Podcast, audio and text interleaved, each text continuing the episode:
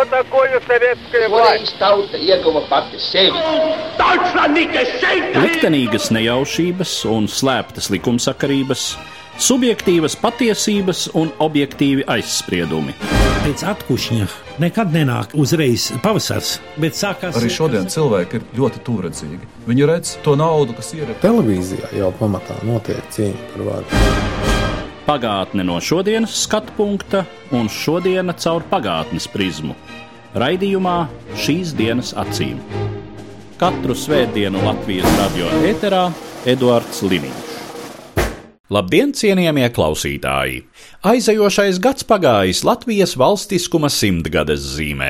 Šodien aicinu vēlreiz ieklausīties fragmentos no šogad izskanējušajiem raidījumiem šīs dienas acīm, pieskaroties norisēm pirms simts gadiem, kuras tuvināja Latvijas republikas tapšanu. Vēstījumu sākšu ar Latviešu pagaidu Nacionālās padomes dibināšanu Valkā 1917. gada 29. novembrī un turpat 2. decembrī pieņemto Latviešu tautas pašnoteikšanās deklarāciju, kuru daļa vēsturnieku uzskata par Latvijas valstiskuma aizsākumu. Pagājušā gada 2. decembrī Valkā notika starptautiska zinātniska konference, kuru atspoguļoju arī raidījumā šīs dienas acīm. Turpinājumā fragments no vēsturnieka Latvijas Universitātes profesora Ineša Feldmaņa uzstāšanās konferencē. Īpaši, manuprāt, ir jāuzsver, ja runājam par Latvijas valstiskumu tapšanu, priekšroka viennozīmīgi dodama Latviešu pagaidu nacionālajai padomē. Nacionālās padomas galvenie iniciatori, dibinātāji un vadītāji Valdemārs Zāmoels, Jānis Goldmans, Zifrīds Anamērovics, visi bija enerģiski, visi bija tālredzīgi, dziļi nacionāli pārliecināti demokrātijas darbinieki, kuri pielika visas pūles, lai Latviešu pagaidu Nacionālā padome apvienotu visu latviešu tautu no bolševikiem līdz pat konservatīviem cīņā par nācijas pašnoteikšanos savā nacionālā valstī. Latviešu pagaidu Nacionālā padome apvienoja gandrīz vai visas ietekmīgākās latviešu sabiedriskās organizācijas, latviešu politiskās partijas. No sadarbības atteicās septiņas uzaicinātās organizācijas, starp kurām bija arī ietekmīgā sociāla demokrātu partija. Kā norāda Miķels Valters, daudz vēstnieku uztverēja Latvijas neatkarības idejas pionieris, sociāldemokrāti tobrīd vēl nebija pārdzīvojuši Krievijas revolūcijas reiboni un eh, tādēļ nacionālā jautājumā nu, neieņēma tādu stingru un konsekventu nostāju. Par to liecina arī Latvijas sociāldemokrātijas pārstāvi Feliksa Cielēna izteikumi 17. gada oktobrī notikušajā apspriedē, kurā pārunāja jautājumu par Nacionālās padomes dibināšanu. Viņš atzīmēja, ka pagaidām sociāldemokrātus mazinieks eh, no nacionālajām pilsoniskajām partijām šķir attieksmi pret Krievijas valsti. Respektīvi, sociāldemokrāti gribēja vēl nogaidīt, kamēr būs pilnīgi skaidrs, ir vai nav Krievijā iespējama demokrātiska federatīva republika. Uznākot uz eh, politiskās skatuves, Latviešu pagaidu Nacionālā padoma izvērs rosīgu darbību kas tieši un mērķiecīgi bija virzīta uz neatkarības izcīnīšanu un savas valsts veidošanu. Jau savā pirmajā sesijā Valkā 1917. gada 19. novembrī pēc jaunā stila 2. decembrī tā sevi nosauca par topošās Latvijas augstāko iestādi un uzskatīja, ka līdz eh, satvērsmes sapulces sasaukšanai tā ir vienīgā pilntiesīgā latviešu tautas uzskatu paudēja. Ārkārtīgi svarīga bija Nacionālās padomes pieņemtā deklarācija visiem latviešiem, kurā bija uzsvērts, ka apvienotā Latvija ir autonoma un nedalāma valsts vienība. Lai gan eh, vēstures literatūrā tomēr dominē uzskats, eh, ka šo atturīgo atzinumu ir eh, pagrūti interpretēt kā neatkarīgas valsts pieteikumu. Vairāki latviešu autori ir tieši pretējās domās. Nu, no tiem autoriem, kas ir jau pretējās domās, var nosaukt pazīstamu latviešu vēsturnieku, kas gan jau ir aizgājis aizsaulē, Edgars Dunsdorfu, var minēt šeit arī Adolfu Klīvi un vairākus citus. Viņi savos rakstos un grāmatās tieši pasvītro, ka pieminētajā deklarācijā skaidri pasludināta brīva un neatkarīga Latvijas valsts. Jāsaka, ka daudzi vēstures avoti faktiski arī apstiprina šādu viedokli. 1918. gada 5. jeb pēc jaunās stila 18. janvārī Nacionālās padomas ārlietu nodaļas priekšsēdētājs Jānis Goldmans Krievijas eh, satvērsmes sapulcē sniedza paziņojumu, kuru šī sapulce uztvēra kā Latvijas atdalīšanos no Krievijas. Latviešu pagaidu Nacionālās padomes dibināšana notika laikā, kad bijušajā Krievijas impērijā pie varas bija nākusi bolševiku partija ar Vladimiru Ļeņinu priekšgalā. Latviešu bolševiki jeb lielinieki bija viena no spēcīgākajām šīs partijas daļām, kas jau kopš 1917. gada vasaras praktiski nedalīti valdīja vidzemē. Latviešu pagaidu Nacionālās padomes attiecības ar šo jauno vāru jau sākotnēji bija saspringtas. Kopš 1918. gada sākuma padomes darbība Latvijā praktiski vairs nebija iespējama, tā pamatā pārcēlās uz Krievijas galvaspilsētu Petrogradu, kur padomes otrajā sesijā 1918. gada 30. janvārī tika pieņemta deklarācija ar Latvijas pilnīgas neatkarības prasību. Par šiem notikumiem raidījumā šī gada 4. februārī sarunājos ar Latvijas kara muzeja vēsturnieku Jāni Tomaševski ir droši vien tāda robeža šķirtne, par ko mēs varam runāt pirms Krievijas satversmes sapulces un pēc Krievijas satversmes sapulces. Līdz tam Nacionālā padome cenšas strādāt savas platformas ietvaros, cenšas meklēt ceļu pie sabiedrotajiem, meklē veidus, kā viņi var šajā satversmes sapulcē izpausties, kas notiek satversmes sapulcē. Tā sanāk, 1918. gada sākumā, un tai notiek tikai viena sēde. Nākamā dienā, tas ir 6. janvāris, šī sapulce tiek atlaista, un Krievija faktiski ir demokrātiska vienu dienu. Jāsaka, ka tas ir tāds liels pagrieziena punkts arī Nacionālās padomes locekļiem, kuri saprot, ka lielinieku, kuri tajā brīdī ir pie varas, interesēs nav demokrātiska Krievija. Mēs varam paskatīties, kāda bija atversmes sapulces vēlēšana rezultāti. Tur lielinieki ieguva tikai 23% balsu. Tātad viņiem šajās atversmes sapulcē nav vairākums. Viņi nevar diktēt savus noteikumus. Tas viņus acīm redzami neapmierina. Un tā kā viņiem tajā brīdī ir faktiskā vara valstī, tad viņi uzskata, ka jāizbeidz tas demokrātiskais teātris, ko viņi centās līdz tam spēlēt. Un šajā brīdī arī Nacionālā padome, kurai pirms tam bija cerības, ka Krievijas Federatīvā republika varētu dot latviešiem politisku autonomiju, izplēna Nacionālās padomes locekļi savā otrajā sesijā jau ļoti pārliecinoši spēr soli pilnīgas patstāvības virzienā, jo viņi vienkārši neredz vairs cita ceļa, kuru iet. Krievijas satversmes sapulces šī vienīgā sēde, starp citu, ir iezīmīga arī ar vēl vienu latviešu nācijas pašnoteikšanās procesam būtisku momentu, kā satversmes sapulces deputāts un uh, Latviešu pagaidu Nacionālās padomas dalībnieks Jānis Goldmanis uzstājoties deklarē, ka Latvijas jautājums nav Krievijas iekšēja, bet gan starptautiska lieta. Tajā brīdī, kad Latviešu pagaidu Nacionālās padomas locekļi pulcējas Petrogradā, kopš valkas pagājuši nepilni divi mēneši, kādas tajā brīdī ir viņu attiecības ar pie varas esošajiem bolševikiem? Vidzemē tobrīd nekādu legālu iespēju darboties Nacionālajai padomē nav. Jau decembra sākumā tiek slēgti Nacionālajai padomē pietuvinātie laikraksti, līdums, laika vēstis, kas vēlāk iznāca ar citiem nosaukumiem, bet katrā ziņā līdz 17. gada beigām šie laikraksti ir slēgti. Pēc jaunā stila 1. janvārī tiek aizliegta arī Nacionālās padomjas darbība. Līdz ar to viņiem faktiski ir aizvērti visi rupori, caur kuriem viņi var uzrunāt sabiedrību gan vidzemē, gan arī eh, plašajā Krievijā otrai sesijai, kas notika Petrogradā 1918. gada janvāra beigās, tad šī deklarācija pauda to, ka Latvijai jābūt neatkarīgai demokrātiskai republikai. Kā jau var redzēt no šī teikuma, tā ir vēlējuma izteikta, tā nav faktiska neatkarība, jo galu galā kuram tad pieder vara. Šiem latviešu demokrātiskajiem pilsoniskajiem spēkiem nav nekādu iespēju šo varu realizēt, un šo deklarāciju tobrīd tikai deklarē savā starpā, to nepublicē Krievu laikrakstos, to iekļauj tikai dažādos biļetenos un brošūrās, kas paredzētas ir rietumu valstu pārstāvjiem. Viņi baidās, ka lielnieki uzzinot, ka ir šāda deklarācija, ka ir šādi darbinieki, kas kaut kur darbojās tepat mūsu pilsētā.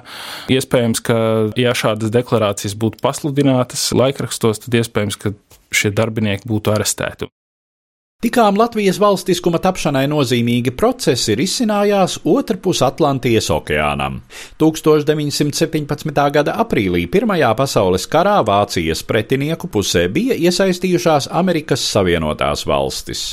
1918. gada 8. janvārī, uzstājoties ar ikgadējo uzrunu Savienoto valstu likumdevējiem, prezidents Vudro Vilsons nāca klajā ar programmu kara izbeigšanai un pēckara noregulējumam Eiropā. Šī programma, pazīstama kā 14 punkti, definēja jaunus starptautisko attiecību principus, kas ietvēra arī nāciju pašnoteikšanās tiesības. Par Vilsona 14 punktiem šī gada 14. janvāra raidījumā sarunājos ar vēsturnieku Jāni Šiliņu. Šie 14 punkti bija saistīti ar to, ka ASV bija beidzot jānoformulē savu mērķi karā, kas nebija īsti precīzi definēta un skaidrs, ka, lai sekmīgi ne tikai karot, bet uzvarētu, ir jābūt skaidrībai par to, par ko mēs īsti cīnāmies. 1917. gada aprīlī ASV piesaka karu. Tobrīd šie mērķi nav īsti skaidri. Vilsons runā par to, ka ir jānodrošina iespēja izplatīties demokrātijai pasaulē un mēģina vēl šādus morālus principus arī paust. Un 17. gada rudenī, lai skaidrāk formulētu šos uzdevumus, un mērķus, tiek izveidota speciāla tāda akadēmiska grupa, 150 cilvēki tur piedalās dažādos statusos un dažādā laikā, ar arī tā skaitā ar ievērojumiem tā laika ASV vēsturniekiem, kuri mēģina noskaidrot, kādas varētu būt šīs miera prasības, par ko tad ASV varētu karot un kā varētu šo Eiropu un vispār pasauli pārveidot, lai pirmkārt atmaksātos šī ASV iesaistīšanās, kas bija bez nosacījumiem tajā ziņā, ka ASV neko neprasīja pretī saviem sabiedrotiem, starp citu arī formāli neslēdza līgumus ar aliansi ar Lielbritāniju un Franciju, bet atrast šo radikāli jaunu pieeju pasaules kārtībai, lai šis karš varbūt būtu pēdējais karš no visiem un lai tie upuri nebūtu bijuši veltīgi. Un balstoties uz šīs darba grupas rezultātiem, viņi gan galvenokārt strādāja ap teritoriālām problēmām, kas Eiropu bija novaduši pie Pirmā pasaules kara un mēģināja rast risinājumus, kā labāk pēckara Eiropas robežas novilkt. Tātad, balstoties šīs darba grupas pētījumiem, arī tika rakstīta šī Vilsona runa. Pie tam to rakstīja daļai, protams, arī pats Vilsons, bet galvenokārt tāds ievērojams ASV žurnālists Walters Lipmans, kurš vēlāk saņēma arī vairākas pulcera balvas, un varbūt pat daži uzskata viņu par vispār vienu no ietekmīgākajiem 20. gadsimta žurnālistiem, varbūt arī modernā žurnālistikas tēvu. Tad mēs redzam, ka šī runa nebija tāpat vien teikta, viņa bija rūpīgi gatavota, un šie punkti, kas tika pausti, viņi bija ļoti rūpīgi apsvērti, un tur bija arī tā ļoti spēcīga akadēmiskā arī doma pamatā.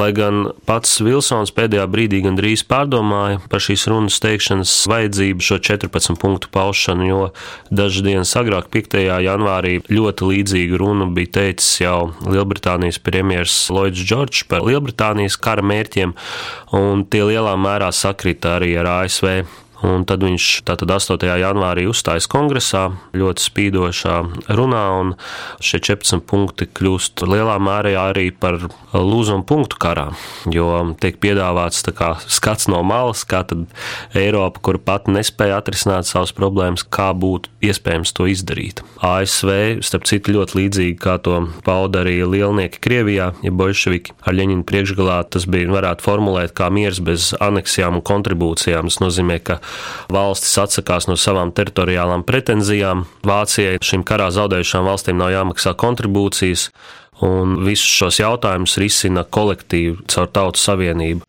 Un tas izrādījās, protams, pārāk ideālistiska programma tā laika apstākļos. Eiropa īsti tam vēl nebija gatava, bet, ja mēs paskatāmies uz mūsdienām, tad mēs redzam, ka šīs idejas ir liktas pamatā mūsdienu pasaules kārtībai. Un mūsdienās tā šķiet pilnīgi pašsaprotams gan tautu pašnoteikšanās princips, kas tolaik radīja ļoti liels problēmas, gan kolektīvās drošības princips, kas bija pilnīgs jaunums tā laika sabiedrībā, un arī ideja par to, ka demokrātija pati par sevi kā sistēma ir vērtīga un tā ir jāizplata pasaulē, lai vairotu mieru, jo demokrātijas ir mazāk agresīvas un nekaro savā starpā. Šie 14 punkti dalās divās daļās. Ir šie morāli ideālistiskie un globālie mērķi, un tādi daudz praktiskāki, konkrētāki teritoriālie mērķi. Un arī viņi sadalās tajos, ko Vilsons uzskatīja, kur ir obligāti jāievēro tautu pašnoteikšanās princips un jāizveido arī tautas savienība. Un tad ir šie ieteicamie mērķi, kas attiecas uz teritoriālām pretenzijām, ko ASV neuzspiež uh, Eiropiešiem, jo viņi paši nepiedara Eiropas kontinentam, bet kur viņi redz, kas lielā mērā izriet no šo akadēmisko spēku darba, ka ir šīs lietas jārisina Eiropai, lai neatkārtotos uh, šādi konflikti nākotnē. Jā, bet tas, ko mēs redzam Vilsona punktos, vienīgā konkrētā Nācija, par kuras suverēna valstiskuma atjaunošanu runā Vilsona 14 punkti, tā ir Polija. Uz Krieviju tobrīd Vilsons vēl raugās kā uz vienotu veselumu, un vairāk runā par to, ka Krievijai ir jāatjaunojas. Kā tas tiek formulēts, jāsaņem visa iespējamā pretimnākšana, atgriežoties savu līdzšinējo sabiedroto saimē. Krievija tobrīd ir lielais nezināmais, jo 17. gada novembrī lielnieki ir izdarījuši afērs un Krievijā Un tajā brīdī, kad Vilsons saka savu runu un norit miera sarunas starp Vāciju un Krieviju, tā ka nav īsti skaidrs, vai Krievija turpinās karu vai izstāsies no kara, un, protams, ASV ir ļoti ieinteresēta, lai Krievija paliek karā un karo pret Vāciju, kas nozīmētu drīzāku uzvaru. Tas ir viens no iemesliem, kāpēc Vilsons ir tik pretimnākošs um, Krievijai, un arī pēc desmit dienām ir paredzēta Krievijas satversmes sapulces sanākšana, tā ka ir cerība arī, ka Krievija varētu palikt arī demokrātiska, un nav īsti skaidrs, cik eh, ilgi Ļeņins paliks pie varas. No liela daļa uzskatīja, ka viņa režīms ļoti ātri kritīs. Tātad Krievija ir šis lielais nezināmais tajā laikā, un tas pats attiecas arī uz Austrumu Eiropu, ceļš Austrumu Ungāriju un arī pārējiem Balkāniem, kur īsti nav skaidrs, kas īsti notiks pēc kara, un arī Vilsons tomēr runā par to, ka šīm dažādām nacionalitātēm, kas dzīvo Austrumu Ungārijas sastāvā, būtu jāsniedz autonomija, bet arī šis pašnoteikšanās princips, protams, ir visai plašs un to kā kurš uztver, cits to uztver kā pilnīgi neatkarību, cits kā autonomijas nepieciešamību. Un tur tomēr šie punkti, lai gan viņi izklausās skaidri, tur ir daudz iekšējas nenoteiktības, kaut vai terminoloģijā, ko kas ietver sevī. Tas ir interesanti, ja mēs tā paskatāmies globāli, visu 20. gadsimta kontekstā, tad mēs redzam, ka šeit jau gadsimta sākumā Pirmā pasaules karā iezīmē šie divi lielie konkurējošie spēki, ASV Padomju Savienība, šī liberāla demokrātiskā nometne un komunistiski, um, diktatoriskā, kuras pauž šos jaunos principus. Lielnieki šo pašnoteikšanās principu uztver nedaudz savādāk, gan kā taktisku piekāpšanos, saprotot, cik svarīgs ir šis nacionālais jautājums, gan arī turpmākajā savā praktiskajā politikā nevis uztverot kā nāciju pašnoteikšanās principu, bet konkrētās nācijas daļas, tās augtās darba tautas, jeb padomju tautas tiesības, kuras attiecas tieši uz šo sociālo konkrēto grupu. Un šajā ziņā, protams, Ļeņins patiesībā pirmais atklāti pauž šo pašnoteikšanās principu, un tādēļ arī uz Vilsonu ir liels spiediens, lai viņš arī par to pašu runāt un arī piedāvātu pasaulē šo principu. Un tas arī tiek pausts un tiek arī īstenots tādā demokrātiskākā un visaptvarošākā veidā nekā tas ir lielnieku pusē. Lai gan, protams, Pirmā pasaules kara beigas ir ļoti grūts laiks, lai to reāli dzīvē īstenot, it sevišķi karā uzvarētāju valstis, ja viņām, piemēram, Anglijai un Francijai, tas vēl bija pieņemama attiecībā uz Austrumu Eiropu, lai veidotu šo buferu joslu. Tur viņi saredzēja jēgu izveidot šo neatkarīgo valstu virkni starp lielniecisko Krieviju un, un Vāciju. Tad attiecībā uz Vāciju, uz kuru arī attiecās, jo šis ir universāls pašnoteikšanās princips uz vācu tautu, tad uh, uzvarētāja valstis negribēja, lai Vācija īsteno šo pašnoteikšanās principu, apvienojot, piemēram, visas vācu zemes vienā valstī. Rāņa 16. gadā formulētais sauklis brīvu Latviju, brīvā Krievijā lielā mērā ir aicinājums tieši uz demokrātisku Latviju, demokrātiskā Krievijā. 17. gadā veidojas šī neatkarības prasība, un šīm prasībām ļoti svarīgi tieši šī pašnoteikšanās ideja, ar kuru manipulē arī Ļeņins, bet skaidrs, ka Krievija ir karā zaudējusi valsts, svarīgāk ir, ko runā sabiedroto valstis, no kurām būs atkarīgs Latvijas liktenis, jo Latvija tomēr ir vismaz daļa 17. gada okupēta un 18. gada sākumā visa okupēta. Tas nozīmē, ka ļoti svarīgi, kāda nostāja būs Lielbritānija, Francijā, ASV, un tā kā ASV skaļi un atklāti pauž šo tautu pašnoteikšanās principu, tas ir ļoti iedvesmojoši. Tomēr nozīmīgākais spēks Austrumēropā 1918. gada pirmajā pusē joprojām bija Vācija un tās sabiedrotie. Revolūcija bija praktiski sagrāvusi Krievijas militārās spējas. Ļeņina vadītā padomju valdība uzsāka ar Vāciju miera sarunas, kuras gan nevedās kā bija cerēts. Sākotnējo sarunu izgāšanās rezultātā Vācija okupēja plašus bijušās Krievijas impērijas apgabalus, taiskaitā visu Latvijas teritoriju. 1918. gada 3. martā noslēgtais Brest-Litovskas mierlīgums radīja jaunu situāciju, kurai nācās pielāgoties Latvijas neatkarīgā valstiskuma veidotājiem. Šīm norisēm pievērsāmies 11. marta raidījumā, kurā mans sarunbiedrs bija Latvijas kara muzeja vēsturnieks Klāvs Zariņš. Saruna laikā notiek cīņa par šīm bijušajām Krievijas impērijas teritorijām, kuras kontrolē Vācu karaspēks.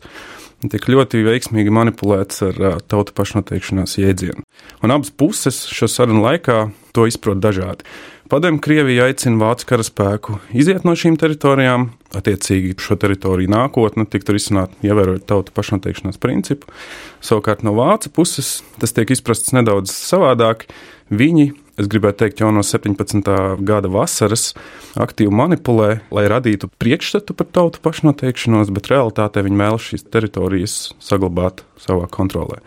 Un šeit, protams, arī ir dažādas frakcijas Vācijā. Viens ir armijas vadība, viens ir politiskā vadība, kurām arī šīs intereses attiecībā, piemēram, uz Baltijas teritorijām ir krasi atšķirīgas.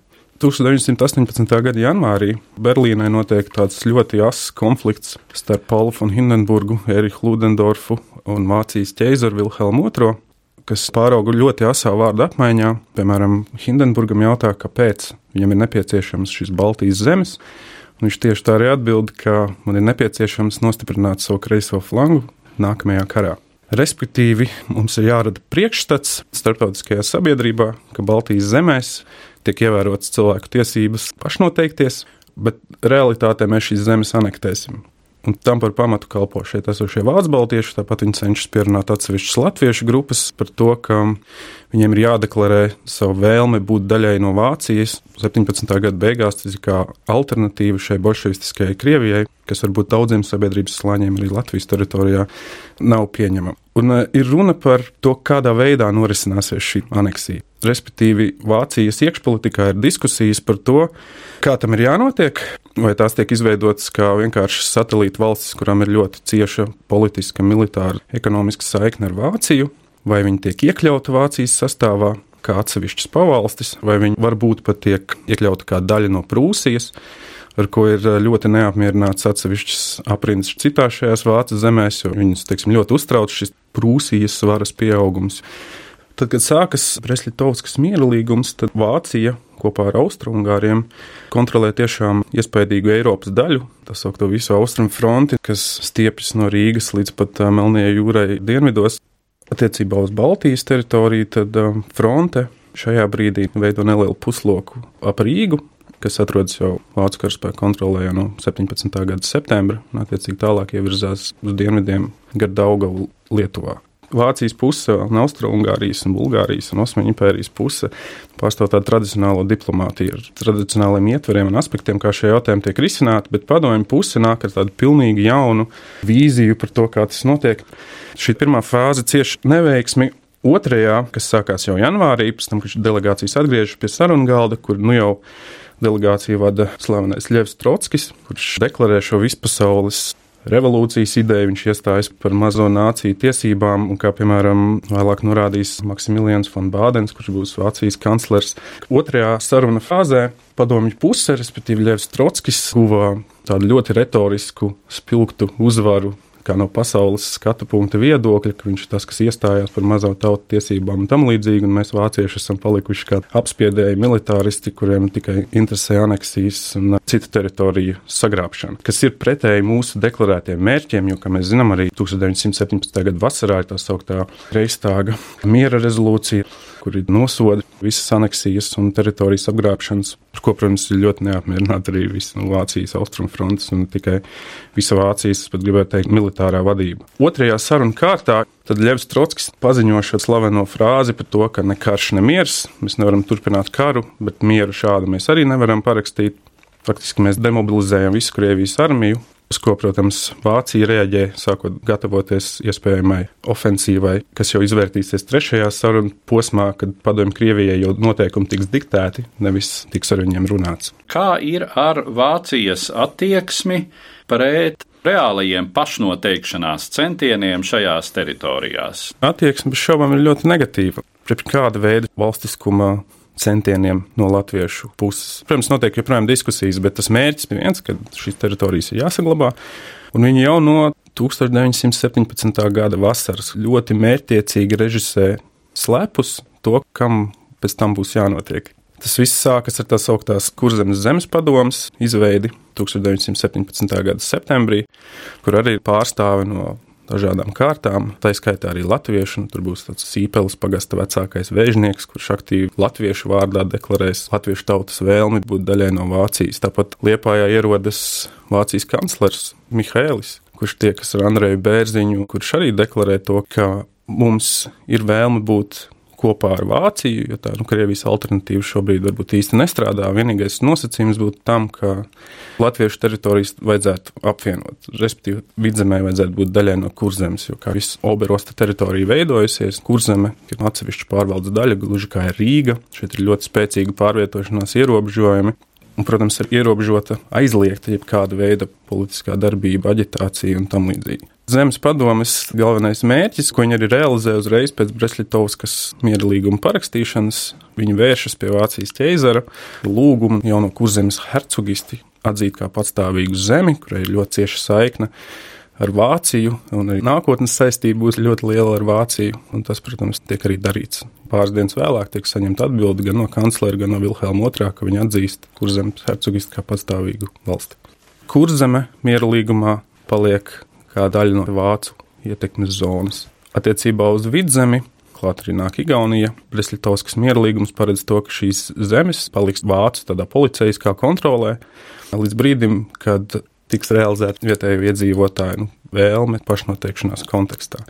Bet kur zem paliek? 18. gada augustā tiek noslēgts papildu līgums ar Padomju Krieviju, kurā Padomju Krievija nu, apņemas sekt zaudējumus, kurus Vācija ir cietusi nacionalizācijas rezultātā, cara laika aizņēmumu, finansiālos aspektos un tam līdzīgi. Un papildus 27. augustā tiek iekļauts arī punkts, ka vidzeme un Igaunija paliek Vācu kontrolē. Atsevišķi Vācu baltu apriņas Latgalē, kas atrodas, viņi ļoti cenšas panākt to, ka Latgala tiek iekļauta arī vēlāk nu, šajā Baltijas potenciālā valstiskuma kontekstā kā daļa no Baltijas zemēm. Tur būs barons von Engelhards, kurš aktīvi ir rakstījis gan Vācijas militārai pārvaldē, gan rakstījis uz Vāciju. To, ka viņi nevēlas palikt bolševiku varā, ka tas ir draudz viņu privātu īpašumam un dzīvesveidam, un ka arī Latvijas tā sabiedrība grib būt daļa no Vācijas. Ja mēs palūkojamies uz tiem latviešu politiskajiem, sabiedriskajiem darbiniekiem, kuri tobrīd atrodas Vācu okupētajā Latvijas teritorijā, Kā viņi pozicionējas attiecībā pret šo Baltijas nākotnes jautājumu? Nu, jūs jau pieminējāt, ka ir daži, kuri ir gatavi pieņemt šo ciešo saikni ar Vāciju, lai kādā valstiskā formā tas arī nebūtu. Kā ir ar šo latviešu politisko spektru un tām personībām, kuras mēs tajā brīdī sastopam Latvijā?